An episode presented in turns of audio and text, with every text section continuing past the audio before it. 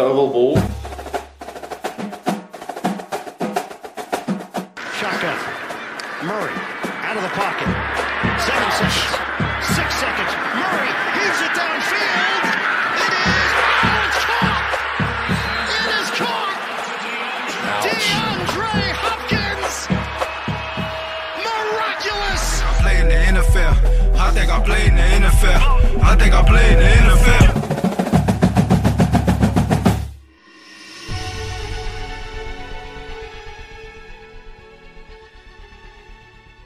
Hjertelig velkommen til Oval ball.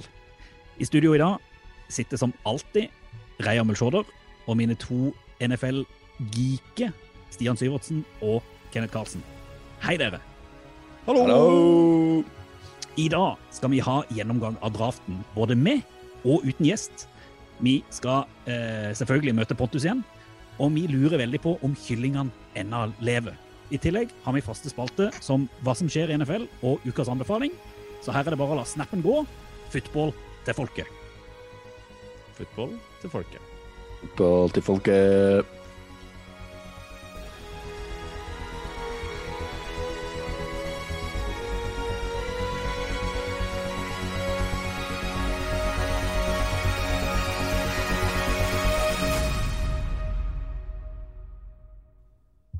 Ukas høydepunkt.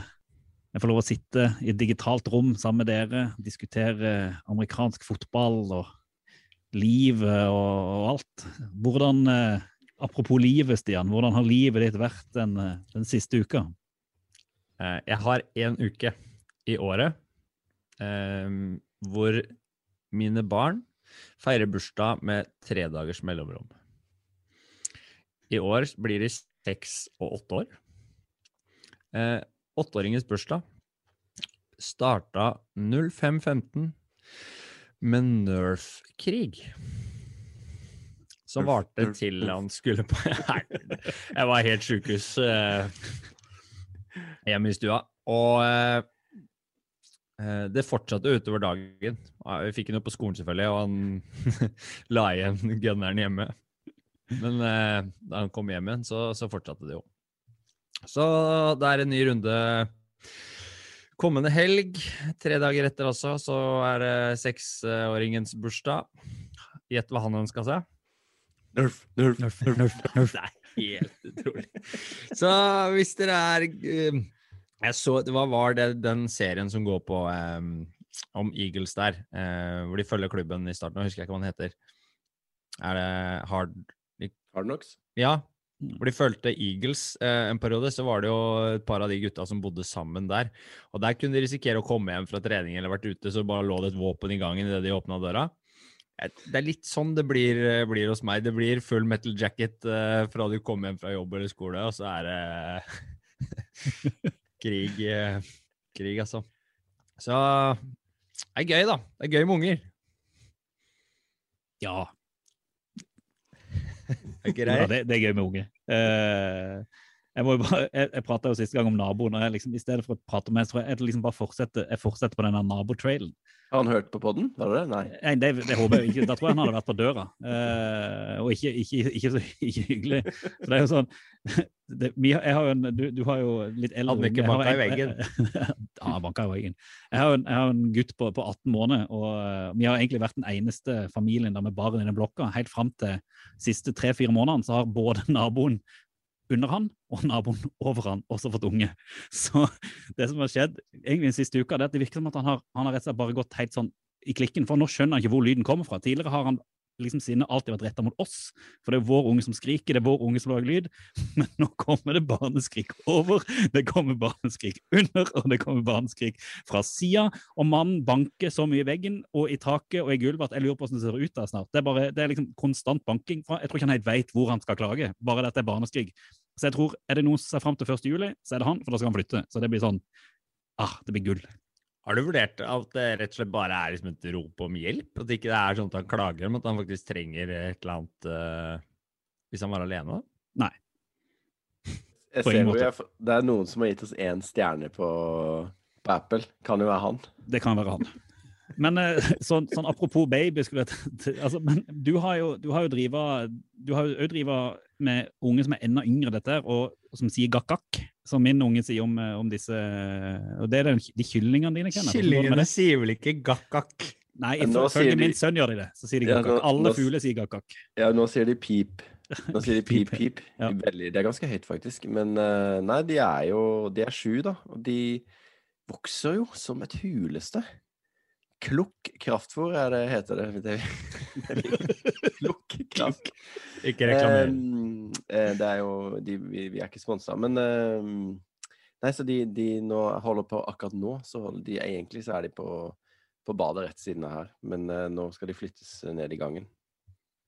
De er på en måte på vei ut, men jeg har ikke fått bygd ferdig hønsehuset ennå, da. Men eh, jeg hadde de jo på storyen, på Insta-storyen i forgårs eller noe. Da, da viste jeg frem uh, kyllingene. De er jævla skvetne, vet du. Så når du kommer inn på badet der, så bare Så piler de inn og gjemmer seg og, og sånn. Så det, det blir ganske spennende. Vi tror kanskje det er i hvert fall én som er hane, da. For den har begynt å få noe sånn uh, jazz i panna som ser ut som en hanekam. Så, eh, så men det, det er jo verdt å følge dette her. Og så har de fått Det er jo noe som heter dvergkokkiner, så de har jo fjær på hele, også på beina. Så nå driver de og feier gulvet og har fått fjær der. Så den, de, de vokser til. Det er, det er en veldig spennende, spennende prosess. Eh, Velkommen til podkasten Hønsegården. folket. ja, eh, kylling til folket. Så, men ellers så har jo Altså, det er jo skal ikke, Vi skal ikke dvele for lenge med det, men vi har, jeg har hatt en eh, veldig tøff uke. Vi eh, Sånn apropos barn, så har vi Vi har tre barn. eh, Det er, det er da to barn som, eh, som vi har hjemme her, og så har vi ett eh, barn som vi mista. Eh, Og det var 1. mai for to år siden. Eh, Hun var veldig syk, og hun levde i 17 minutter. Eh, Hun heter Oda. Så så hun har vi, har vi med oss i, i livet. Eh, og vi har bilder på veggen, og vi har egentlig Ja. Det er, det er veldig, altså Våren er egentlig en ganske tøff tid for oss. Det er sikkert derfor vi har kyllinger, og fordi vi bygger hagestue og gjør masse prosjekter hjemme. er jo liksom Det holde oss litt i gang i den fasen som er nå. Men, uh, men vi har jo uh, Oda har jo da både en storesøster og en lillesøster. Uh, og storesøster er veldig glad i bursdager og alt sånt, så da 1. mai så var vi da på, på graven og hadde med ballonger og hadde med kake og piknikteppe og gaver som vi hadde pakka inn, selvfølgelig. Ehm, så det er jo veldig stas og veldig hjerteskjærende og trist, selvfølgelig. Spesielt for oss voksne, da, så er det jo en ganske ganske tøff uh, tøff tid, da. Så etter draften som var på natt til fredag, som vi skal snakke mer om etterpå, så, så var det en ganske sånn røff, røff helg, da, for oss her. Men eh, men Oda er jo også på en måte litt av grunnen til at jeg har blitt såpass eh, opptatt av NFL, kan man si, da, fordi det er noe med når du, når du går igjennom sånn en livskrise, da, eller sånn veldig tøffe ting, så, så er det noe med å kunne grave seg ned i noe annet eh, som gjør at du liksom kan spore hjernen av litt. Eh, og det har jo på en måte NFL vært for meg, da. Eh, og man, og, og NFL er jo sånn utømmelig kilde til info, til statistikk og til Altså, du går inn på én spiller, og så hevner du på 14-15 andre, ikke sant. Altså, draften i seg selv er jo bare helt sånn et mørkt hull på internett, eh, hvor du bare kan grave og grave og, og lese og lese og lese og lese. Så, så jeg har jo på en måte fått eh, Eller brukt NFL litt som terapi, da. Så det har jo liksom vært kanskje min inngang til å bli veldig interessert i, i spillet, har jo vært at eh, rett og slett har trengt å liksom lufte hjernen, da. Flytte meg liksom fra fra sorg og, og sånne ting som vi har hatt eh, vært igjennom, da. Så, eh, så ja, tøff eh, tid, men eh, heldigvis eh, Heldigvis har vi jo to barn som lever, og vi har eh, vi har Oda med oss i hjertene våre, og hun er med oss hver dag. Og storesøster er veldig flink til å minne oss på det, at vi også har Oda. Så, mm, så ja. Men eh, ja, det har vært en, eh, en eh, røff uke. Men nå er det en ny uke, så det, det er også veldig fint. Jeg har bare lyst til å si, Kenneth, jeg syns dere det er vanskelig liksom, for oss som ikke har vært gjennom den prosessen som dere har, da, å, å se den utenfra. Og det gjør utrolig vondt å liksom å, å se hvordan dere må håndtere det, da. Eh, når man liksom er vant til det livet som, som ungene er. Men jeg syns bare det er helt fantastisk å se liksom, hvordan dere gjør det og, og står i eh, skal vi si, sorgen og det som følger med dette her, da. For jeg, jeg klarer ikke helt å sette meg inn i det dere går igjennom. Og jeg syns det er forbilledlig, liksom, hvordan, eh, hvordan du og Elise klarer å, å håndtere det, og hvordan dere gjør det med, med ungene oppi det her også, da. Så jeg, jeg er utrolig, utrolig stolt av å være vennen din, egentlig. Fordi jeg syns du synes du er så utrolig åpen og, og fin på det her, da. Takk, det setter jeg veldig pris på. Uh, og det er klart at det er jo det er umulig å sette seg inn i. Det, det, det, det går ikke an å forvente det. Så, så Men det, det er fint å ha ha venner som er der, og som forstår og sånn, og som husker at vi går gjennom tøffe ting når det er vår. Uh, og ellers har jeg for så vidt også skrevet om vår historie, um, som ble Mm. publisert både i Feven og Agderposten. Uh, og den heter 17 minutter, som da er så lenge som Oda levde. Så hvis noen um, har lyst til å lese om det, så kan de google og finne det. Det er ikke noe som man setter seg ned med sånn hvis man skal ha litt ledig tid. Du må være forberedt på at det kan, eh, kan være vondt å lese. Men, eh, men eh, ja. Det, det har vært tøft. eh, Og det, det er fortsatt det. Det er fortsatt tøft. Og det er noe vi kommer til å ha med oss til evig tid. Det er bare det som er erkjennelsen. Så derfor så Ja, det var greit å nevne. Og nå kan vi gå videre og snakke om eh, NFL og draft, og få inn en gjest etter hvert.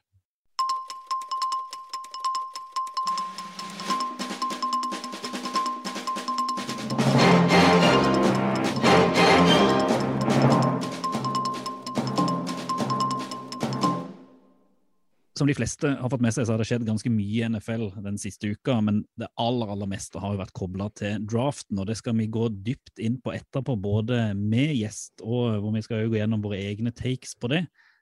Men noen ting dukka jo opp i løpet av denne uka som jeg syns det er interessant å prate litt kort om. Og en av de tingene var jo, det var, det var jo rett før draften satte i gang, det var jo Aaron Rodgers og ryktene om at han er ferdig i Packers, at han var misfornøyd. Hvordan har dere lest dette, gutter? Mm. Det er jo enda flere interessante ting som har dukka opp i forbindelse med draften og Aaron Rodgers-saken også. For det kommer fram at 49ers skal ha tatt en telefon til Packers um, dagen før draften og hørt om mulighetene for å få uh, Rodgers trada til uh, San Francisco. Eh, det ble avvist, og Aaron Rodgers var tydelig misfornøyd med, med den avgjørelsen, da. Fordi han hadde blitt lovt en trade. Og i tillegg så er han generelt misfornøyd med at det er, har ligget litt i veggene at uh, erstatteren til Aaron Rodgers, han heter Jeg husker ikke navnet, Kenneth. Jordan Love. Ja, han ble trada inn uten at eh, Aaron Rodgers ble tatt med på råds, eller var involvert i prosessen rundt det. Det ble ikke tatt en telefon før de vurderte å trade han inn. Og det har også satt seg litt grann i, eh, i eh, Aaron Rodgers. Og vi kan også nevne det som gjaldt uh, I forbindelse med draften, så, så ble Trey Lance eksempel trada til eh, San Francisco 49ers, og da var Jimmy Garoppolo, som er starter quarterback for San Francisco, han var underretta underveis i prosessen i draften om at de hadde tenkt til å hente han inn. Og det er på en måte vanlig kutyme, virker det som, i, i de klubbene som er fornøyde med starter quarterbacken sin, og holde de in the loop. Men eh, det er jo sånn at uh, i Packers så spilte Bart Starr 16 sesonger. Og så spilte Brett Favre 16 sesonger. Og i fjor hadde Rogers sin 16. sesong. Så det er klart at uh, det ligger noe i lufta her. Men uh, nå så jeg Jeg tror det var Skjefte som tweeta nå at uh, nei, han hadde ikke Altså, det var jo rykter om at uh, Rogers hadde sagt at han GM-en, da, Brian Gutekunst, må, måtte gå. Og LeFleur, trenerplass, hadde vært ute og sagt at Love ble drafta i fjor uten at han visste det. så det er jo er mye kok på bakrommet der. Og samtidig, det er jo som er så vilt, da, at det er så mye kok, og så har de 13-3-13-3 Mm. på to påfølgende sesonger med ny trener. Så, så, så galt føler jeg jo ikke det kan være. Sånn at, Men ja, nå er som sagt Schefter, eller en av de, tweeta at uh, han hadde ikke tenkt å få han sparka, på en måte. Men uh, han vil bare ha det best mulig laget til å vinne. Så jeg tipper han spiller der Ja. neste sesong også. Tror Ja, jeg ikke. altså, i, I forlengelsen av Aaron Rodgers så kan vi også trekke frem Russell Wilson har nevnt seg som uh, skal vi si, misfornøyd med hvordan eh, ting fungerer i Seattle eh, Seahawks. Og i tillegg så har vi Deshaun Watson-sagaen som eh, fortsetter å rulle. Så man har egentlig fortsatt eh, quarterback-spørsmål der ute da, som er ubesvarte, og som helt sikkert kommer til å prege nyhetsbildet frem mot, eh, frem mot season. Hvis man beveger seg, Det er vel innenfor samme division, hvor det er mye kok i, i Lions, men der har det ikke, har ikke vært så mye, mye seire for de siste årene heller. Eh, der har, har det jo dukket opp litt nyheter. Ja, og de hadde jo Jeg syns i hvert fall de hadde en bra draft, men eh, det skal vi snakke mer om seinere. Og nå har de også gjort eh, Frank Ragnar til ligaens best betalte senter. Jeg skal ikke si at min senter-knowledge er så stor, men eh, han er sikkert flink, han. I tillegg til at de har kutta Carrion Johnson, eh, running backen som de valgte i andre runde på et eller annet tidspunkt. Eh, han får ny jobb, det er jeg ganske sikker på, et eller annet sted. Men eh, det skjer ting i Lions, da. De eh, de er på jobb der. Eh, det er jo ny GM og ny headcoach og ny staff, og alt er nytt. Så det blir spennende å følge de. Tipper de, tipper de picker ganske tidlig neste år, så jeg skal få lov å komme med tidlige tips. Og så så, så, så jeg at det var, det var sendt ut et, et memo fra, fra NFL rundt eh, skade utenfor eh, treningsfasilitetene her. Er det noen som eh, har lyst til å utdype hva, hva, hva det gjaldt for noe? Ja, det var, eh, var eh, Denver Broncos-spilleren eh, Javon James som røk akillesen fordi han trente på privat initiativ på et eh, treningssenter som ikke var tilknytta klubben han var en del av. Og det betyr, da, og det står i regelverket til NFL, at da eh, trenger ikke de å betale han lønn når han har skada seg egentlig ut, utafor eh, eh, si klubbens treningsregi. Og bare for å understreke at den regelen gjelder, så sendte NFL 5. mai ut et, eh, et memo hvor de, hvor de påpekte at den regelen der er eh, intakt, og at med Broncos da kan la være å betale uh, Javon James lønn eh, frem til han eh, kan spille og jobbe igjen. da. Det har jeg aldri tenkt på, men, eh, men det er jo sånn at de fleste Altså, de, mange av disse spillene har jo i prinsippet 200 dager fri. Altså mm, i året. det er en veldig kort sesong. Eh, og eh, mange av de bor jo sikkert ikke i den byen de spiller egentlig, ikke sant? Så da, altså, da har de ikke lov Hva hvis du tråkker over på joggetur og sånn, da? Det er jo helt spinnvilt. drive egentrening i- ute i naturen, for det er ikke en del av, naturen er ikke en del av treningsfasilitetene. Jeg har aldri sett, aldri tenkt på det på den måten før, men eh, Det ligger jo langt utafor måten vi tenker at lønnssystem og, Ja. og rammer skal, eh, skal ivaretas. I hvert fall i det norske samfunnet så, så ser det jo ikke sånn ut. Der er det ganske tydelig at du, du får lønn og blir ivaretatt uansett. Her er Jeg må det si, altså NFL er sosialdemokratisk på draft og sånn, men akkurat når det kommer til sykepenger, så er de, har de tatt den amerikanske the way of doing it. ja, men ja, Der kan det ikke virke som siste ordet er sagt heller, for der eh, jeg tror, Var ikke med Holmes ute og tweeta der òg? Jo, det var flere som var, eh, har meldt seg på diskusjonen, da. Eh, og om det kommer en regelendring eller sånt, vet jeg ikke. Eller om Denver Broncos kanskje velger å gjøre det som er moralsk riktig, da. Det kan Spørsmålet hende. er jo liksom hvordan vil du ha spillerne dine tilbake, da? Du vil vel at de skal trene, på en måte? Og spesielt nå i koronatidene hvor kanskje ikke du vil ha alle i gymmen, da, Mm. hele tiden. Det er jobben deres, liksom. Hvis de Ja. trener hjemme, da, så gjelder det heller ikke. Hvis de har treningssenter og laga seg det hjemme. De har jo godt av Alle har jo det. Mm.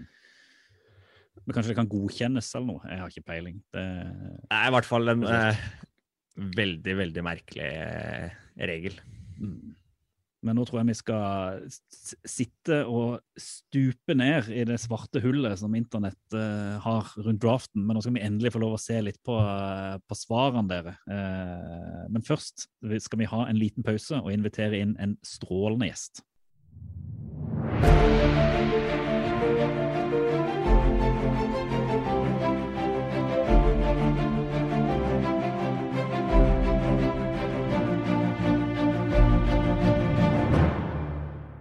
I denne ukas dypdykk så er vi både stolt og beæra. For det første så har vi hatt vår første gjesteskribent på ovalball.no, som har skrevet en helt fenomenal tekst om eh, draften som eh, skjedde natt til, fredag. Og I tillegg så har vi jo til og med fått han med her i vårt digitale studio. Og det er liksom en, det er en glede å få lov å ønske velkommen til han. Ønsker å kalle seg draft-entusiast. Vi kommer til å kalle han ovalballs egen Daniel Jeremiah og draft-ekspert. Og så får vi heller kjempe om hva det, hva det skal bli til slutt. Hjertelig velkommen, Sander Daling. Ja, tusen takk. Og jeg fortsetter å påberope meg tittelen draft-entusiast. Det skal, vi kjempe mot. Men, men før, før vi går inn og prater om draften og dine takes på draften og sånn, så vi har, jo, vi har jo sett hvor sykt mye kunnskap du har om dette. her, så Jeg lurer litt på hvor kommer den interessen og, og, og tida skulle dette si, som du bruker på, på NFL, og all den kunnskapen du har eh, opparbeida deg? Nei, det starta vel egentlig tilbake når eh, Colin Kaepernick og faktisk Andy Dalton eh, kom inn i ligaen for ja, det blir vel ti år siden. Eh, så har man jo fulgt litt sånn til og fra med, og så for to år siden, når man flytta for å studere, så ble det jo plutselig masse tid til å, til å, fordype seg i den flotte sporten. Så da Det er først da det har blitt sånn skikkelig skikkelig mye tid satt av til det. da. Eh, Men hvordan, hvordan er det du, du gjør det? Altså, sitter du Har du faste kilder? Har du eh, faste steder du, du, du går? Eller liksom du, har bygga opp så ekstremt mye kompetanse, også brei kompetanse, på, liksom hele grunnlaget før, før draften. Ja, nei, man eh, Mesteparten av det kommer jo egentlig fra diverse podkaster. F.eks. da Daniel Jeremiah og Around the NFL, som dere prata om her tidligere.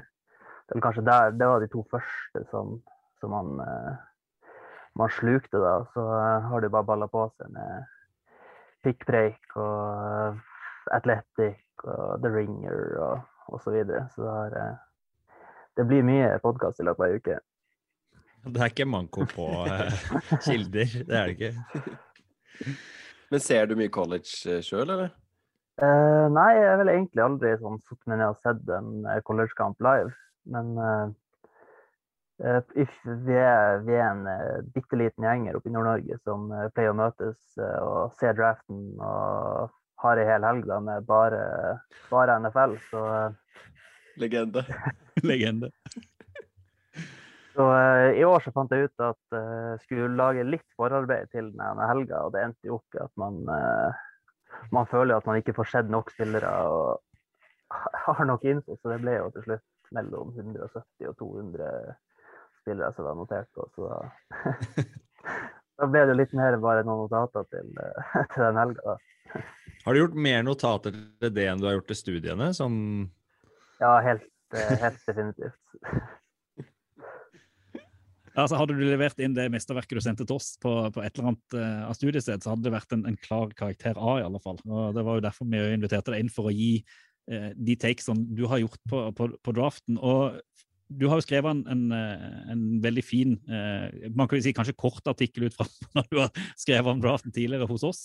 Eh, men når du, når du ser tilbake på det, eh, du har, du har nevnt det du ser på som vinnere. Eh, vil du si litt mer om hvem er du ser på som vinnere av draften, litt sånn, sånn generelt eh, etter at den nå har, har vært avholdt? Ja, sånn, hvis vi skal gå på ett lag, så er kanskje Cleveland Browns det laget som jeg ser som kom best ut av, av draften. Og man må kanskje nesten legge ned free agency også, for da har de virkelig, virkelig gjort en eh, solid jobb. Jeg syns, eh, jeg syns det har sett ut som og det har de jo snakka om i andre podkaster også, men, men Browns liksom fremstår mer og mer som et, sånn, et solid lag, som ikke bare plukker eh, spillere for eh, at de skal starte nødvendigvis, men for at de skal dekke opp og være bredde, da. Hvilke spillere er det du liksom, i Browns tenker at er Uh, Altså, Greg Newsom og, og, og Koromoa var vel de to som gikk, uh, gikk først der. Uh, og så var det vel Anthony Schwartz, han wide receiveren, som gikk som tredje. Um, hvem, hvem av, de, av de tre første valgene tenker du kommer til å Kommer til å merke oss i sesongen som kommer? Ja, nei, jeg tror vi kanskje kommer til å merke han eh, Koromoa mest, da. Eh, hvis han holder seg skadefri og naturligvis får spille, da. For han er en skikkelig playmaker. Eh, jeg hadde han jo sjøl som linebacker 1 foran uh, Micah Parsons, da. Men eh, det var de ikke helt enig i, de som uh, drafta. Han uh, gled vel ned til pick nummer 52, tror jeg. Så det var uh, i mine øyne en uh, kjempestil. Mm. Det var mange som hadde han høyt, da. De fleste hadde Ja. han jo som linebacker 2, vel. Altså etter Parsons, kanskje, men eh, oppi der. Jeg trodde jo at det skulle være at det var helt bombesikkert at han kom til å gå topp 20 der, men eh, så det var jo ja, det var kjempesjokk for alle rundt i hvert fall. Men vi må nesten snakke litt om uh, 49ers, da. Og Mm. Trey Lance og hele den biten der. Uh, hva, hva tenkte du når du så Godell komme labbende ut der? Hva trodde du? Nei, jeg hadde faktisk eh, Lance på mokken eh, på tre til eh, 49ers. Eh, litt fordi at det kom jo tidligere denne uka så begynte det å komme litt rapporter på at det var Lance eller Jones da. Mm. Eh, og så var det litt det med at man kunne ikke sitte en kveld og, og vente og se og håpe at Mac Jones skulle ropt opp på det tredje pikket. så det Det var var, derfor, det var derfor vi hadde feels. Ja. ja nei, så det løser, løser seg jo bra, da. Og jeg tror det der kommer til å bli en, eh, en stor suksess, altså. Ja, han trenger jo ikke å gå inn og spille med. Vi har snakka litt om det her i poden, og det snakkes jo om han uh, Rund Baut, egentlig. Men uh, han er jo et uh, kjempetalent. Han har, uh, har kanskje ikke godt av å sitte, eller vondt av å sitte en sesong bak Garoppolo og lære systemet til Shanahan og, og komme inn i det. Da. Men det ligger jo i kortet at han skal overta etter hvert. Ja, ut ifra hvordan han har prata, altså Shannon har prata om det her før draften under draften, så høres det ut som at, uh, at det ikke er noen plan for han skal sitte en hel sesong. Men uh, jeg tipper det blir å se at han får litt tid på seg til å komme inn i det og lære playbooken og ja, få forberede seg ordentlig. Mm. Og så var det Jeg syns det var interessant å se etterspillet fra valget til, eh, til Shannon og 49ers der. Da. Hvordan de kommenterte det etterpå. At de har vært veldig nøye på å ikke si noe innad.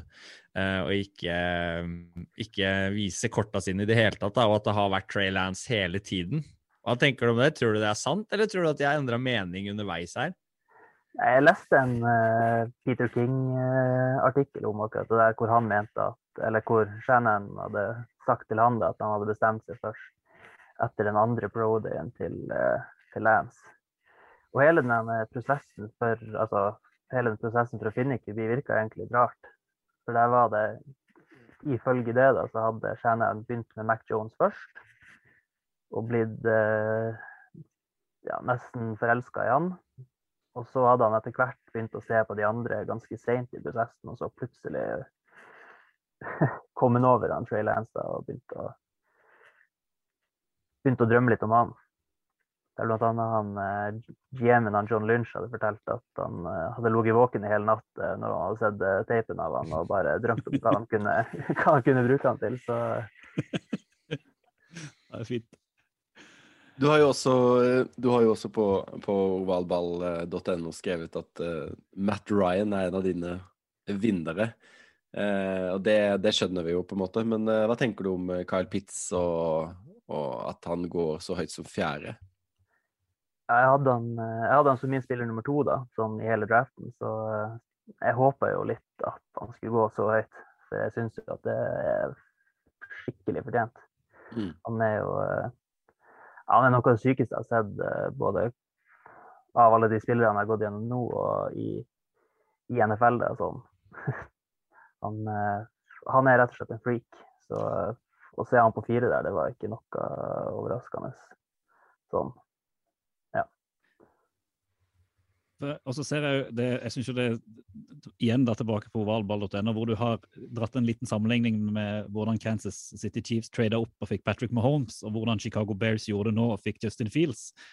Ser du at det kan, kan bli en sammenligning mellom eh, du skulle si Kanskje ikke lagene, men i alle fall prestasjonen til, til de to quarterbackene når Fields får, får lov til å spille? Ja, det var kanskje litt urettferdig å sette han opp mot Mahomes, men eh, jeg syns Fields ser, eh, ser skikkelig bra ut. Altså. At, uh, at han skled ned til 11 der, det kan være noe vi prater om i, i mange år fram i tid etterpå. Jeg hadde også en sånn uh, liten følelse på at uh, da Texans trada til seg DeShaun for noen år tilbake, så er jo dette er også Jeg hørte Dame Brugler eh, kommenterte i, i sin podkast, jeg vet ikke om du har hørt den, men, men der tok de opp den tråden at han var kanskje nærmere DeShaun Watson i, eh, i kanskje spillestil og, og måte å fremstå på banen på. da. Eh, Forhåpentligvis ikke utafor, sånn som eh, situasjonen eh, ser ut nå. Men um, og at han også kan få en lignende rolle kanskje i Bears på sikt, hvis han har noe som mm, Altså den utviklinga som, som man tror han skal ha, da. Og at han kanskje trenger et par år på seg før han er helt uh, på, på nett og starte å være solid, da. Men eh, men eh, hva tenker du om, eh, hva tenker du om eh, sammenligningsgrunnlaget og hvem Fields kan ligne på, liksom? Jeg er helt enig. Jeg syns han minner mer i spillestilen om uh, Deshaun Watson enn Patrick Mahomes. Uh, Sammenlignet med traden var vel egentlig, eller gikk vel egentlig mest på at han Ryan Pace da, har jo fått ekstremt mye tyn for at han klarte å trade seg opp for Trubisky og ta han foran både Watson og Mahomes. da. Ja. Så kanskje det her blir en slags uh, revenge for, for det, da. Altså, tenker jeg, vi har, nå har vi sett litt på, på vinnere, men vi var inne på John Watson og, og Houston Texans. Og, og du eh, peker jo, når du går, går litt lenger ned i den artikkelen din, så ser du på det, du ser på litt tapere, og da har du Houston på toppen. Og da er traden av av David Mills. Vil du si litt om, litt om det òg? Ja, jeg, jeg så ganske seint på Davis Mills, og det var litt sånn klassisk at man finner en eh, litt en eh, QB som kommer til å gå litt senere i draften, og så tenker man at det her kan jo være en skikkelig stil, og ser for seg at det her kan bli en, eh, bli en bra historie. da, og så havna havna han i den kjipeste situasjonen i hele USA. så da i lag med da fanbasen til Texas, han, eh, det måtte nesten ned der. Jeg er, ikke, er ikke liksom valget Jeg bare, bare tenkte på det at valget som Texans gjør, at de tar en, de tar en quarterback, er ikke det Jeg tenker det er litt sånn At de har så mange andre needs da, som de trenger å, å, å dekke opp, og at Jeg vet ikke, sannsynligvis så havner ikke de så veldig høyt i neste års draft. Og nå hadde de ikke noe mulighet til å velge noen før i tredje runde, vel. Så neste år så vil de jo sannsynligvis ha mulighet til å, å, å plukke en spiller tidligere, da. Så hvorfor plukke quarterback nå, når de sannsynligvis kan plukke en eh, bedre quarterback neste år, da? Så jeg vet ikke, jeg har ikke helt, helt oversikt over liksom dybden i stallen til Texans, men, men eh, quarterback var kanskje ikke det de trengte først. Nei, de trenger jo, eh, De trenger jo en-. Ja. Jeg hadde skrevet det på lagene så liten Mm. en notat med hva, hva lagene trengte. Jeg hadde skrevet ALT på teksten på behov. Jeg husker det. Så eh, Nei, men eh, det er jo en Det er jo en Det er vel en bekreftelse på at Sean Watson neppe kommer til å spille mer fotball med det første.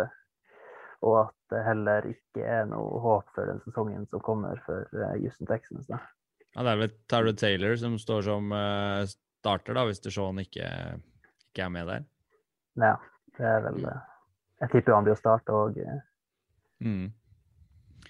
Vi kommer garantert til å få se Davis Mills i år, da, så frem til han holder seg skadefri. Ehm, og det er jo synd for han, selvfølgelig. Um, men han var jo faktisk en five star recruit, leste jeg, fra ut av high school. da. Så han var jo liksom en av de topp QB-prospektene i landet. Uh, så har han vært skada. Han spilt elleve kamper, tror jeg, i, på college. Så det er jo helt utrolig lite å vurdere han på, da. Så det er jo, det er jo ja, det er spennende, men det er klart jeg syns jo litt synd på han, jeg òg. så synes jeg jo, Selv om Houston de har ikke så mye pick, så kårer du Rams til laget med den dårligste draft-classen av, av alle. Eh, hva er bakgru- bakgrunnen for det? Nei, jeg slet litt med det med å eh, Det ble litt sånn juks å ta enten eh, Texans eller Seahawks på dårligst draft class, siden de har Mm. minst. Og, og når jeg begynte jeg, ikke Eller jeg var egentlig ikke inne og så på Rams først, men eh, når man gikk gjennom pick for pick der, så var det helt skrekkelig dårlig. Det var eh, Jeg sammenligna det opp mot den konsensusrankinga, og det var jo eh, Ja. De var jo nesten tre runder foran alle picksene. Så Jeg er enig i den strykkarakteren du gir. Det, de hadde litt mer å gå på enn en de andre klubbene du nevner, så man kunne ikke forvente at de hadde gjort en Om ikke en grundigere jobb, så var det jo bedre spillere som lå tilgjengelig for dem når, eh, når de først skulle velge også. Mm. Men det er litt gøy å se på den um, Broncos, uh, Broncos som taper, fordi der er jo liksom sånn at um, Akkurat som, som du skriver òg, da, at uh, draft-classen i seg selv er kanskje en vinner. Men uh, de burde kanskje tatt Fields. Ja, når man ser hvor mye de quarterbacksene er verdt ute i, ute i ligaen, så blir det jo helt rart å sitte og vente på pick 8, og så allikevel eh, ikke ta han. da. Når 49ers gir bort eh, to førsterundepicks i framtida for å hente Lance, og, eh, og de potensielt kunne fått, som jeg skrev, en eh, framtidig MVP helt uten å gjøre noe, så, så syns jeg det er merkelig. Ja, for det, det, de andre valgene til Broncos blir jo hylla som, eh, som bare den, egentlig. Og de står jo veldig godt defensivt, da, som de også gjorde i fjor. Men det er jo eh, manko på, på quarterback og en tydelig leder på, på den offensive banehalvdelen som, som virkelig har vært mangelvare her. Da. Og det så man jo da de mangla quarterback i fjor, og det var jo eh, helt kaos i den offensive linja og så velger de å ikke gjøre det. Så jeg, jeg er også enig i akkurat at de ikke gjør det på, på åttende Når de har mulighet til å velge det på, på åttende der, så, så er det det så men, men resten er jo bra, som du sier. Da Da henter de jo kvalitetsspillere. Noen kommer helt sikkert til å starte også, mens andre er eh, dybde og, og bredde. Ja, jeg syns synes de gjør en fin draft sånn, sånn egentlig, men det er bare akkurat den der eh, det, det virker som de vurderer at eh, Bridgewater er vel så bra, så, eller nesten på samme nivå, nivå som Filstad. Så det blir eh, Og det er jeg og mange andre helt uenige så det blir, eh, det blir merkelig. Ja, det er spesielt, men du tror Bridgewater starter? Ja, det kan, eh, det kan se sånn ut. En, en siste ting vi må prate om, uh, uten å avsløre alt som står skrevet. Jeg vil jo anbefale alle som, som lytter på dette, å gå inn på ovalball.no og, og, og lese alt det Sander har skrevet. Men det er jo, det virker det til å være konsensus rundt, men kanskje at det dårligste draftpicket av de alle, det var førsterundevalget til, til Raiders. Uh, vil du utdype litt rundt, rundt det? Ja, nei, det var jo et skikkelig sjokk der. Jeg var helt, helt overbevist om at uh, Koromoa kom på, på pick 17 der når han, når han var tilgjengelig, men så så velger de Leatherwood, da, som eh, Nei, det var sikkert en håndfull eh, og mer enn det linjespillere de kunne tatt foran han, som hadde vært eh, mer naturlig, men Nei, de gjorde, gjorde som Raiders pleier å gjøre, og tok, tok noen ingen så komme. Ja, for, for det er mange som spekulerer at de kunne fått han fint i runde to, nesten at han hadde blitt liggende uh, der. Uh, men der må de ha blitt så forelska at de bare, at de bare hoppa på, av en eller annen grunn.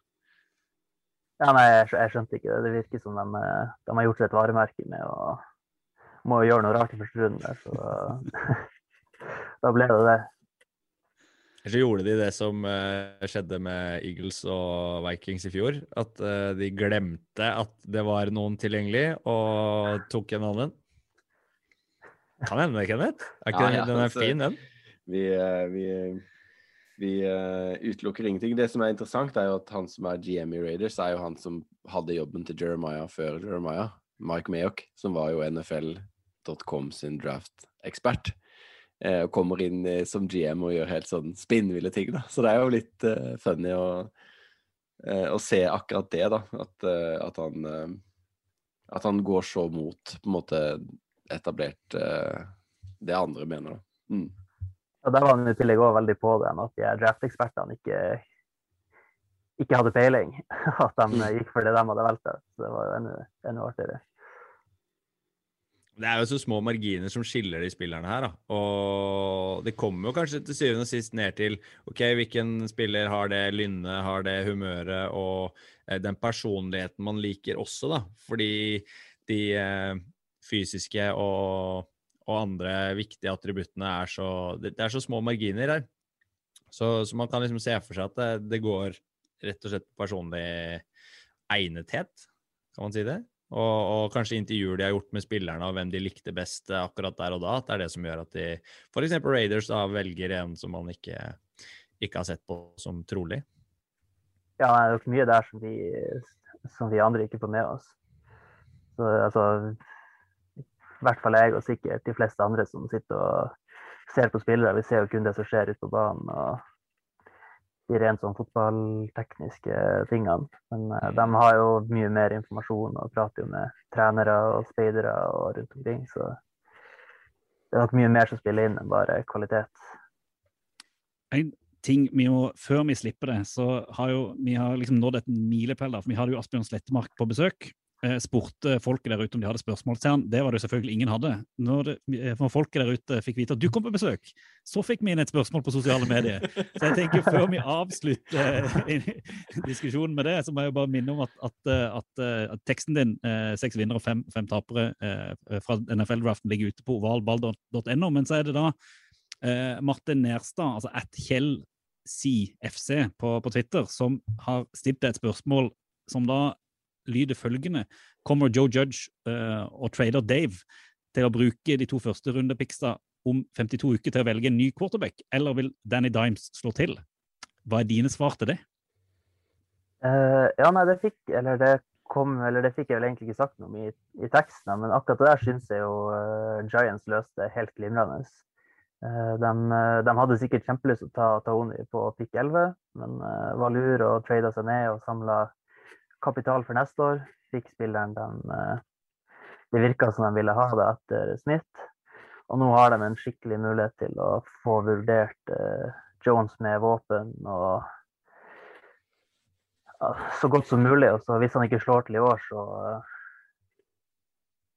burde de i mine øyne ta og se på alternativene. Mm. Hvor, hvor, god må han være, da? Før liksom Er det playoff, liksom?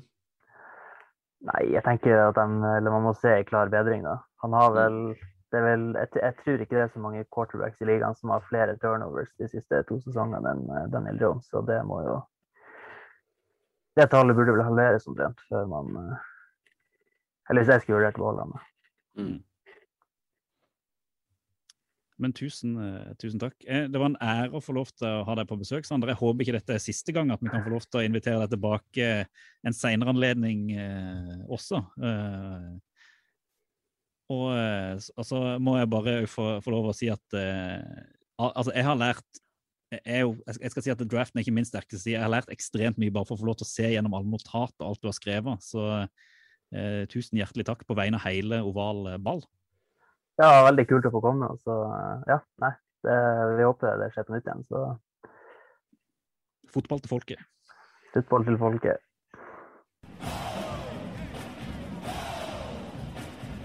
På valgbanen, Fotball til folket det er så deilig når man kan invitere inn folk som har peiling og kan liksom fortelle oss hva, hva, som var riktig og hva som var feil med, med draften. Uh, i, i, god, I god football til folkestil så har vi jo tenkt at vi kan ikke, vi kan ikke bare være blodseriøse når det kommer til draften. Så vi har jo satt opp en, en personlig hver av oss, en topp tre-liste over det vi mener er liksom de beste takes, uh, spillere, andre ting ut av draften, basert kanskje på ting som draftspesialister ikke baserer sine, sine valg på. Eh, eller hva, gutter? Eh, jeg vet ikke helt hvordan vi skal legge det opp, om vi skal liksom begynne på tre og gå opp til nummer én fra hver av oss, at vi tar en runde på, på tredjeplassen. Eh, kanskje, du lyst, kanskje, du har lyst, til å begynne, Stian? kan med, begynne. Med hvem jeg, og litt begrunnelse? Jo, altså, jeg tror kanskje jeg har vært hakket mer seriøs enn dere, men, men jeg skal ikke Det er jo ikke overseriøst. Det er ikke sånn det Daleng-kvalitet på dette her. Det er det absolutt ikke. Men på min nummer tre så har jeg egentlig plukka ut en spiller som jeg tror kan bli kul å følge med på eh, i sesongen som kommer. Jeg har plukka ut wide receiver Anthony Swartz, som gikk som 91. overall pick. Og han har jeg plukka ut fordi han er så sjukt rask.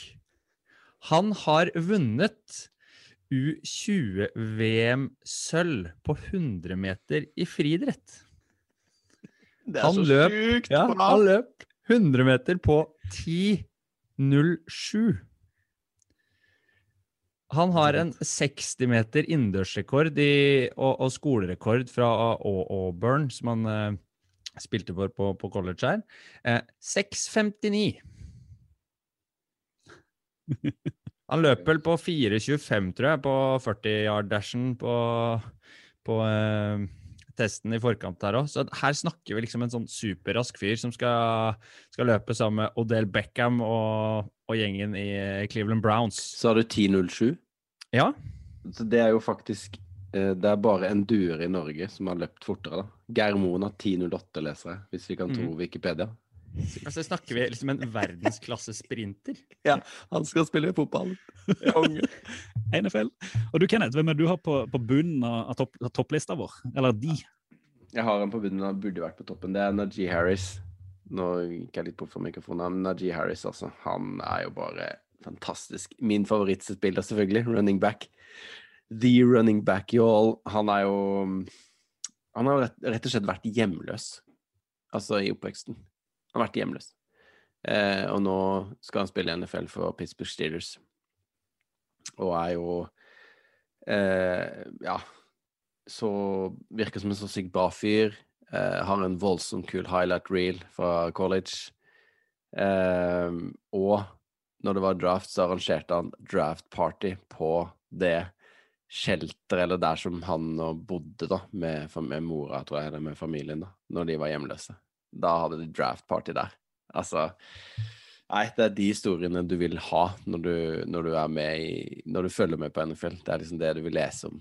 Det er, ja, han, han virker som en sykt bra fyr. Bare håper og tror at han lykkes i NFL. Det tror jeg han gjør, altså. Det, men, for jeg har lyst til å følge opp der, for min tredjeplass er jo litt sånn Jeg syns det er historien som ligger bak draften, er så, er så fete. Så jeg har jo altså Quitty Pay som ble drafta til Colts på var det 21. pick eller noe. Og det første han gjør når han blir drafta, er at han ringer hjem til sin mor, og så sier han bare sånn Mamma, nå, nå slutter du å jobbe. Nå skal jeg sørge for det. Og liksom mora som har tatt han med fra Han var vel han var seks måneder når de, når de flykta fra Liberia til USA, Mm. og jobba to-tre jobber for å liksom få han for å gi han, kunne gi han en utdannelse kunne gi han en, en start og få han inn på college, og så har han da liksom levert nå, bygga opp en karriere og blitt så jævlig god. Og så får du liksom den der, der historien, liksom sentimentale og, og alt. Så det er bare Der er jo en sånn en oval ball-favoritt, og derfor må han eh, inn på min, mi min liste. Hele de der, bare de videoene som kommer etterpå av telefonsamtalene, er jo helt eh, fantastisk. Og det er jo bare en liten Ikke på min liste, men når Steve Keim ringer til Saven Collins i, fra Cardinals der, den videoen må dere bare google opp og se, altså. Det, er- jeg har sett den 100 ganger. Det er bare det er fantastisk. Altså, Hollywood kunne ikke gjort det bedre. Stian, andreplassen din. Andreplassen min, den, den har jeg kalt for gaver til Zachary. Eh, Zack Wilson Mm. trada som uh, andrevalg overall til uh, New York Jets, har fått gaver av ledelsen der, som Sam Darnold ikke fikk. Uh, han har fått uh, guard og left tackle i Vera Tucker. Han har fått wide receiver i Elijah Moore, og han har fått en running back i Michael Carter. Og der kan vi også legge til at Michael Carter eh, ble drafta egentlig to ganger, eh, det vil si navnebroren hans, da, av Jets, de også. Jets eh, eh, henta Michael Carter running back, og de henta Michael Carter den andre, som var en defensive back. De tror de gjorde det med vilje. De må jo ha tenkt at liksom, ok, det sto mellom Carter og en annen. Da hadde de, tok de han fordi de allerede hadde en Carter. Da hadde du og jeg sittet på det, Ja, det rommet, så hadde vi jo ikke nøla. Men, men det er klart, de tenker nok litt mer seriøst enn det, da. De bruker jo noe penger på det. Men jeg, jeg tipper jo at uh, De er jo ikke humorløse. Så det var, det var mitt andre. Gaver til Zachary. Kenneth. og uh, Kenneth. Er det meg igjen nå, allerede? Ja, ja, ja. Ja, min, eh, min nummer to er egentlig hele, hele Jalen Waddle. Eh, bare outfit. Ikke høyrearmen, liksom. Nei, altså alt. Det, det, altså den rutete dressen med det ene jakkeslaget som var svart. Eh, det diamantbelagte smykket som det sto Waddle på. Eh, at han gikk først, og Eller at han gikk eh, på en måte til, til Dolphins, og at han da han får beskjed om at han er valgt, reiser seg opp. Han er jo da til stede i Cleveland på draften og har fått en liten sånn boks med familie og venner til stede. Og han blir valgt, reiser seg opp, kikker ikke på noen, bare går rett ut for å bli drafta. Han gir ikke noen klemmer, ingenting. Fuck det, liksom. Han skal ut og spille fotball. Eh, ja, altså egentlig heller også det at det går mange wide receiver i, første runde, syns jeg er kult, altså. Chase også ser jo helt fantastisk bra ut. Downton Smith, ditto. Alle de gutta som er der, Kyle Pitz og De bare De går ut og eier scenen. Eh, men eh, jeg syns jo Waddle var kult. Jeg gleder meg så til å se han spille. Den videoen der er jo bare søk opp, det er så gøy. Ja. Her er det jo lagd masse sånn meme på, på Ja. internettet. Altså How Michael Jackson left uh, Jackson 5, hvor du bare ser Waddle går rett ut uten å kikke på familien. Ja, det, det er så nydelig. ja, jeg, jeg, må jo, jeg må jo ta på meg den ordentlig useriøse hatten, for det at min nummer to, han Sikkert mange som ikke vet hvem han er. Han ble, han ble valgt i runde tre. Eh, valgt av Raiders, som Sander Darling mente gjorde mye rare valg. Jeg mener jo de har gjort et helt sånn fantastisk valg her, og det er rett og slett bare pga. navnet safety. Divine Diablo. Altså bare smak litt på navnet. Divine Diablo. Og så måtte jeg jo, jeg kjenner jo ikke til han, så jeg måtte jo søke opp da. Og grunnen til at han heter Divine Diablo, det var rett og slett at han ble gitt ordet eh, fornavnet Divine for å på en måte motsette etternavnet som er Diablo, for at ikke det skulle bli for mye djevel. Så derfor kalte de han Divine til fornavn. Eh, Hellig djevel, rett og slett. ja, hellig djevel. Litt sånn for at de skulle offsette hverandre. Så han kommer sikkert til helt OK. Safety på Raiders kommer sikkert til å spille helt greit, men har i min mening kuleste navnet i draften. God nummer to på, på min liste. Det er Bra for draktsalgene. Ja. Diablo, liksom. Det, det kan selge drakter, det. I hvert fall i Vegas. Ja, iallfall i Vegas. Det, sant? det gjør det jo ekstra gøy. Dia Divine Diablo i Vegas. Åh, det er gull. Ja, da jeg gleder meg til din nummer én. Og min nummer én har vi egentlig snakka om alt. Eh, men jeg Fra man begynte å følge Chicago Bears har vært det nitristeste og kjedeligste laget jeg har sett på en TV-skjerm. Nå er de kule. Mm. Så det, det jeg syns var det morsomste og beste som skjedde den draft-nighten vi satt der, eh, Kenneth, og koste oss Ja. over Teams og fulgte med på hvert eneste valg som ble gjort i første runde, så jubla vi begge to da Justin Fields ble trada til Chicago Bears. Endelig er vi ferdig med et nitrist og grått Chicago Bears. Så Mm. det, det, er det, det er det beste jeg sitter igjen med etter, eh, etter den draften her. Ja, det, det var skikkelig gøy, og det, det kan nok hende at det blir en drakt, altså. Det kan nok hende. Mm. Ikke Jeg si det til Diablo, jeg. Ja, kanskje det blir det isteden. Ja, du, Kenneth, hva, hva har du satt på toppen av de listene? Ja, altså, det, det beste som skjedde i draften, det er jo uten tvil at det gikk to longsnappere. Altså, det er det Stian har snakket om, at hva er det vi kan spille egentlig i NFL? Altså, longsnapper, det er liksom noe, det, det kunne vi lært oss. Kaste ballen langt mellom beina bakover med skru. Ja. Altså, det kan ikke være mulig å få til. Men det gikk altså to longsnapper i draften. Første gikk, det var Alabama sin, som heter Thomas Fletcher. Han gikk eh, som pick 2-2-2 til Panthers. Det er også en fin video ute der når Matt Rule, headcoachen, ringer han, og han ikke er skjønner ja, at han blir drafta. det, det er så sjukt selv for han at han bare sier at nei, jeg driver og tenker litt på hva jeg skal gjøre og sånn, og så sier Matt Rule ja, men eh, jeg drafta deg nå. Hva, Hæ? Så det er kult, men det som er enda kulere, er jo eh, Michigan sin sin uh, longsnapper som gikk til Washington på 225. Her snakker vi drakt. Han heter Cameron Cheeseman. altså, det er Cheeseman på drakten. Hadde han ikke gått i liksom et lag med kule drakter, så hadde det vært åpenbart. Og han, altså Longsnapper de kan sikkert spille til de er 50, da. Altså, Hva gjør de egentlig? De blir jo ikke takla eller noe. De, de skal jo bare kaste ballen. Det er jo Hvor hardt, hvor hardt trener de? På andre ting enn å stå og kaste ballen bakover? De trener i hvert fall ikke i offseason, for å si det sånn. For det er jo livsfarlig. Ja, det må du ikke gjøre. Nei, huff a meg. Da kan du bli skada og ikke få penger. Ja, ok, altså Cheeseman han stiller ganske godt opp mot Diablo på, på navnenivå. altså det Det er sikkert derfor han gikk, vet du. Det var ikke salg. De tenker Det er jo kynisme, det greiene der. Hva har du, Reier? Siste. Nei, altså, helt til slutten, det er jo sånn, litt sånn langt nede. Dere vet jo internt her i oval ball at jeg er ikke noe glad i, i Steelers, men jeg må jo si at de har kanskje gjort den kuleste draften. For at i sjuende runde, så deres pick, liksom, pick nummer 27, så går de ut, og så henter de Presley Harvin III. Og det er sånn sett greit nok. Men hvis du, hvis du googler opp Presley Harvin III, så er det så mye som er så kult med. For mannen, han er punter. Han ser ut som at han er linebacker eller liksom takler. Han er så stor. Altså, og han er så kul. Og så, og så, går du, og så er det liksom, og så hvis man skal være litt seriøs, og så går du inn og søker han opp, så er han jo en av de, en av de ytterst få mørkhuda punterne i NFL. Han var jo den beste punteren på college i fjor. Uh, har jo, en, har jo en, liksom en kropp som ikke er punterverdig i det hele tatt. Og i tillegg så er han jo en fantastisk arm. så Han er jo liksom, han brukes jo masse tidligere for college på, på fake punts. Og så er han jo sånn Han spiller fire ulike typer saksofoner. Mannen er jo sånn musikalsk geni òg, så det er bare oh.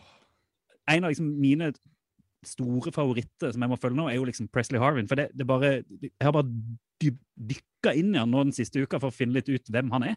Og han er liksom si. fantastisk kar. Og ja, så jeg vil si at han har en soleklar liksom, førsteplass på, på min draft-ranking over eh, liksom, beste valg og kuleste spillere eh, i vår veldig subjektive kåring. Han var også unanimous eh, All American. Ja. Det vil si altså at alle som hadde det valget, valgte han som punter. Han vant eh, Ray Guy Award, som er Nations Top Collegiate Punter, som den første eh, African American, da. Mm. Så det er jo også utrolig kult. Og hvis han kan hive, hvis han kan kaste ballen, så De har jo ikke noen quarterbacks der, bortsett fra Big Ben. Nei, altså, Jeg tror han er mer bevegelig enn Big Ben. så du skal ikke se bort Ja, bedre arm, kanskje? Ja, ja, du skal ikke se bort fra det. Søker du på, på YouTube, så finner du en del kule videoer hvor han kaster ganske bra. altså. Vi har i hvert fall fått en ny, det er en ny ovalballfavoritt. Ja, ja. Det er mange i denne draften vi skal følge tett. Men hva faen skjedde egentlig med den stolen på scenen, Stian? I draften? Det er det siste jeg må ta opp her. Det er ikke på topp tre-lista, men det er liksom utafor der. Ja, den, Vi hadde fans på scenen. ja, det var fans. Nå må dere beskrive for oss som ikke satt oppe hele natta. Altså, det var, det var, det var De hadde The Commissioner's Chair, altså en, altså en gammel sånn lenestol, som sto på scenen. Der de tok opp en fan fra, fra det laget som plukka, da. Eh, og Browns hadde en fyr med et gresskar på hodet. Altså, du kunne ikke se ansiktet, han hadde en maske, liksom. Helt, Hodet var, var et gresskar, men Ja, det var helt kokt, de som satt på scenen Det var hardcore fans Ja, de var som ble dratt opp. Og, det, de ble liksom De fikk se på kortet før eh, Jeg vet ikke om det gjøres hver gang. Jeg har ikke sett alle drafter opp igjennom. eh, Så Nei, dette er Eh. først eh, Første draften jeg så i fjor, var jo Da var jo alle hjemme. Så um, dette var Men nytt. det var jo- spesielt. ja, det var veldig spesielt. Jeg syns det er godt de tar vare på fansene. Ja, det er sant. Ja, dette er for folket. Dette, det, det, er ikke sant? Der har du NFL Mm. som prøver etter her med oss. Mm. Fotball for folket, drar de opp på scenen. Sånn skal det være. Det er det beste jeg har hørt. Dette er gøy. Det der, det er fett. Oval ball anbefaler. Nå er jeg veldig spent. Denne uka skal vi jo anbefale noe, og nå er vi jo ferdig med draften. Så hva er det da vi liksom har tenkt å fokusere på og fortelle våre lyttere at de bør bruke tid på denne uka, Stian? Ja, vi skal holde oss i, eh, vi skal holde oss i draftland, vi. også tar vi og anmelder eh, draft day for tredje gang. Hadde det vært noe? Nei da, vi, vi skal ikke det. Men vi skal faktisk holde oss i, i filmverden. Som vi var inne på i, i uh, lista vår, så nevnte vi jo Quitty Pay, og vi nevnte Najee Harris som spillere som har hatt en uh, tung oppvekst. Og er jo en av mange skjebner tilknytta NFL. Og det er også gitt ut en film basert på en bok som heter The Blind Side, som handler om uh, Michael Orr, som uh, uh, vokser opp hos en adoptivfamilie. Uh, Tui heter den familien, og hans reise liksom gjennom Det er vel high school, Kenneth? High school. ja. Og det er en, en film som Det er ikke nødvendigvis den beste filmen du kommer til å se, men etter, eh, etter eh, at draften har eh, skal vi si, lagt seg, og tempoet som følger draften er såpass høyt, så kan dette være en film man kanskje får roa nerva litt, og, og falle litt inn i kanskje mm, vi, Jeg vet ikke om vi skal kalle det amerikansk fotballsjel, men hvordan man liksom får opp eh, talenter og reisen mange må gjennom, da. Hvor Michael Aars reise er en av de, basert på en sånn historie som jeg eh, så vidt var inne på, og, og man ser egentlig eh, Man ser egentlig eh, litt annerledes på hvordan det må være å, liksom ta steget inn, da, og, og det trange nåløyet som må til for å, for å kunne spille i NFL. En liten nugget i denne filmen er jo at eh, det er jo high school, da. Så Michael eh, skal jo da velge etter hvert et college han skal spille på. Og da er det jo ganske mange headcoaches som er innom og spiller seg selv. Mm. Deriblant Nick Saban i Alabama. Og Ed Orgeron, som da var på Ole Miss på den tida, tror jeg, men som nå var i LSU og vant uh, National Championship med Joe Burrow i fjor. Um, og de skuespillerprestasjonene kan man jo se på. Trille terning. når, når man har sett den filmen. Ikke noe Oscar der, altså. Nei, ja, ikke, ikke akkurat. Nei, men filmen er en god uh, historie som, uh, som man fint kan lande med etter draften. Og den er jo uh, på sett og vis knytta opp mot draften også. Khalif Raymond from the 30. Flag is down. And Raymond has run out of bounds. Another flag comes in at the 32. There are six flags on the field. Ny uke, ny regel, men heldigvis den samme svensken. Hjertelig velkommen tilbake, Pontus. Eh, Hvordan har eh, uka di vært siden din debut i oval ball sist? Takk, takk. Jo da, det, det er vel som vanlig i koronatider, höll jeg si. Skrevet autografer og nytt kjendisstatusen. Ja. Ute bland alla folken som jag träffar när jag sitter på VM-kontor. Supersosialt. Eh, Ja. I dag tenkte vi at vi skulle, vi skulle begynne, begynne litt enkelt. Vi tenkte vi skulle prate litt om tripping eh, slash holding. Eh, kunne du sånn kort forklart første tripping, hva er det for noe? Tripping, eh, eller spenna bein som det heter på norsk. Eller fella noen, som man sier på svenska. Eh, ja, det, det er ganske enkelt. Det er ikke lov. Du får ikke uh, gjøre det hele tatt. Før i tiden har jeg faktisk for meg at du fikk eh, spänna bein på, på den som hadde bollen, altså running backen. Uh, men det er ikke lov å gjøre det på noen, faktisk. eller medvetet skal man si. Eh, enda forskjellen er om, om, liksom, om du strekker ut benet och noen springer på deg bakifrån når du ikke er medveten om det. Det er ikke tripping, utan det må faktisk være noen du engasjerer deg i og sånt. Men annars så tripping er en av de enklere reglene i amerikansk fotball. Men, men allikevel, for, det, sånn, for oss som kanskje er litt eh, altså, kjent med vanlig fotball, og, og når man ser på amerikansk fotball, så virker det så brutalt, for man blir rivt ned, og man drar i trøya, og man liksom tar tak i beina og river det ned. Men man har ikke lov til å spe, spenne beinet. Det, det, altså, er, det, er, det på, er det skadeforebyggende, eller er det bare noe som det alltid har vært? Vet du det? Jeg gjetter på at det er skadeforebyggende. For det kommer i høye hastigheter og sånne sådana bitar og det blir mer sparker og sånt ut av det. Og spark ikke lov. lov. Men bruker, bruker de noe leggbeskyttelse sånn? Eh, ikke lenger enn ned på, enn ned på knäna. Nei? Nei, da går legg, har, leggen på, ja, du har på, på hofter og, och eh, lår og rumpa og halebein og, Mm. og, og knær, men inte någonting på leggen. Det er jo, de spiller jo med knotter òg, så det er jo klart at den eh, den strake foten i, i legg, den uh, har vi jo sett på fotballbanen noen ganger. Og uh, i amerikansk fotball så får du jo samme resultat. Ja, det får vel det. Og så tenkte eh, holding, det henger jo, altså, det henger jo litt, det, det er jo litt, litt i samme gate i alle fall. Hva, eh, vi, vi vet jo hva det, hva det betyr på norsk, men hvordan utarter det seg i, i amerikansk fotball og NFL? Hva, hva er, man ser jo at det er lov å holde noen ganger, men det er jo noen holdning som ikke er lov. Ja, Um, holding egentlig for å holde noen eh, den ene du egentligen har lov å holde, er jo den som har bollen, det vil si når du takler noen. Eller om du takler noen som du tror har bollen, det vil si om de gjør fakes og sånne biter, da, så er det faktisk lov å typ takle dem. Eh, men når du oppdager at han ikke har bollen lenger, da er det ikke lov å holde lenger. Eh, men, men holding kommer oftast i, eller kommer i tre olika eh, faser. Eh, du har holding på offense, vilket da oftast er linjemän eh, eller tight ends og sånne, sånne som blokker i løpespill. Eh, eller for den delen i, i passningsspel. Eh, och den er den er litt mer vanskelig, for der ser det ut som at man står og holder i hverandre. Uh, og der sier man oftest at ja, det, det skjer holding på varje spill. Uh, men der, så lenge linjemennene og sånt, eller de som blokker, har sine hender innenfor sin egen uh, frame, uh, frame of the body som de sier, Mm. så, så er det typ lov.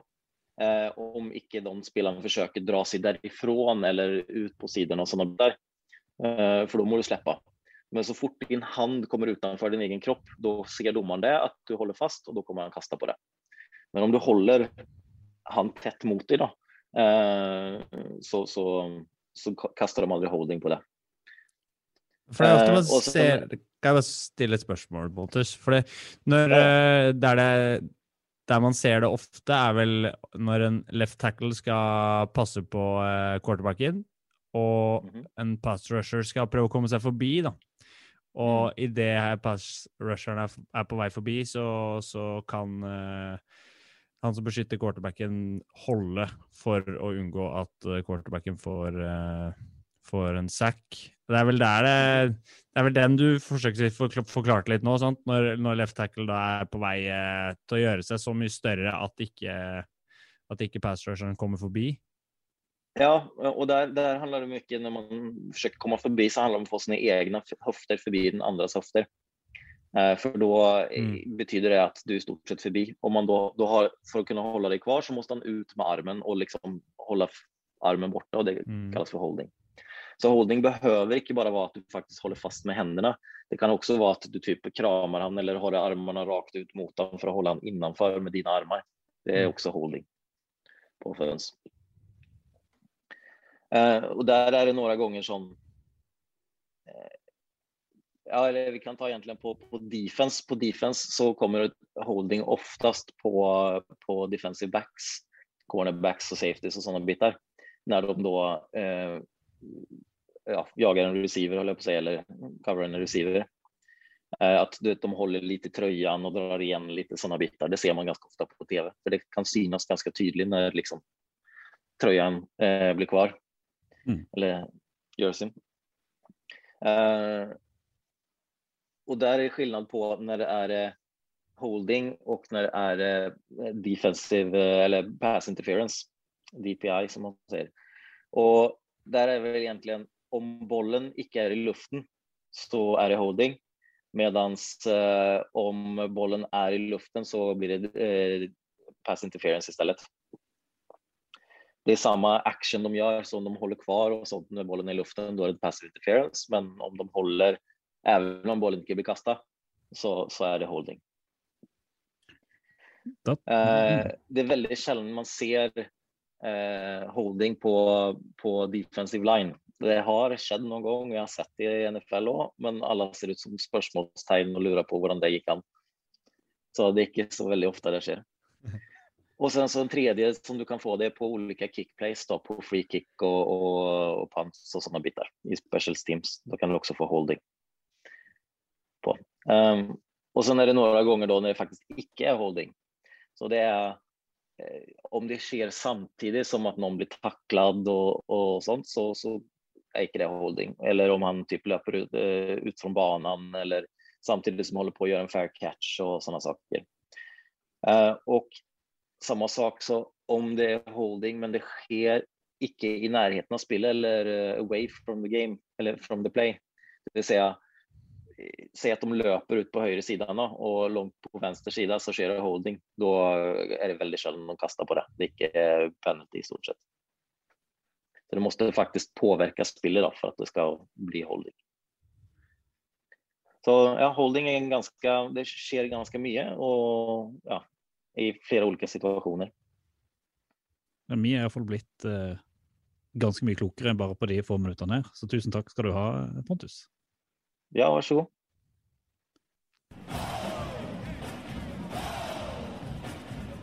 Ovalbanen. Fotball til folket. Dette har som alltid vært utrolig hyggelig, eh, gutter.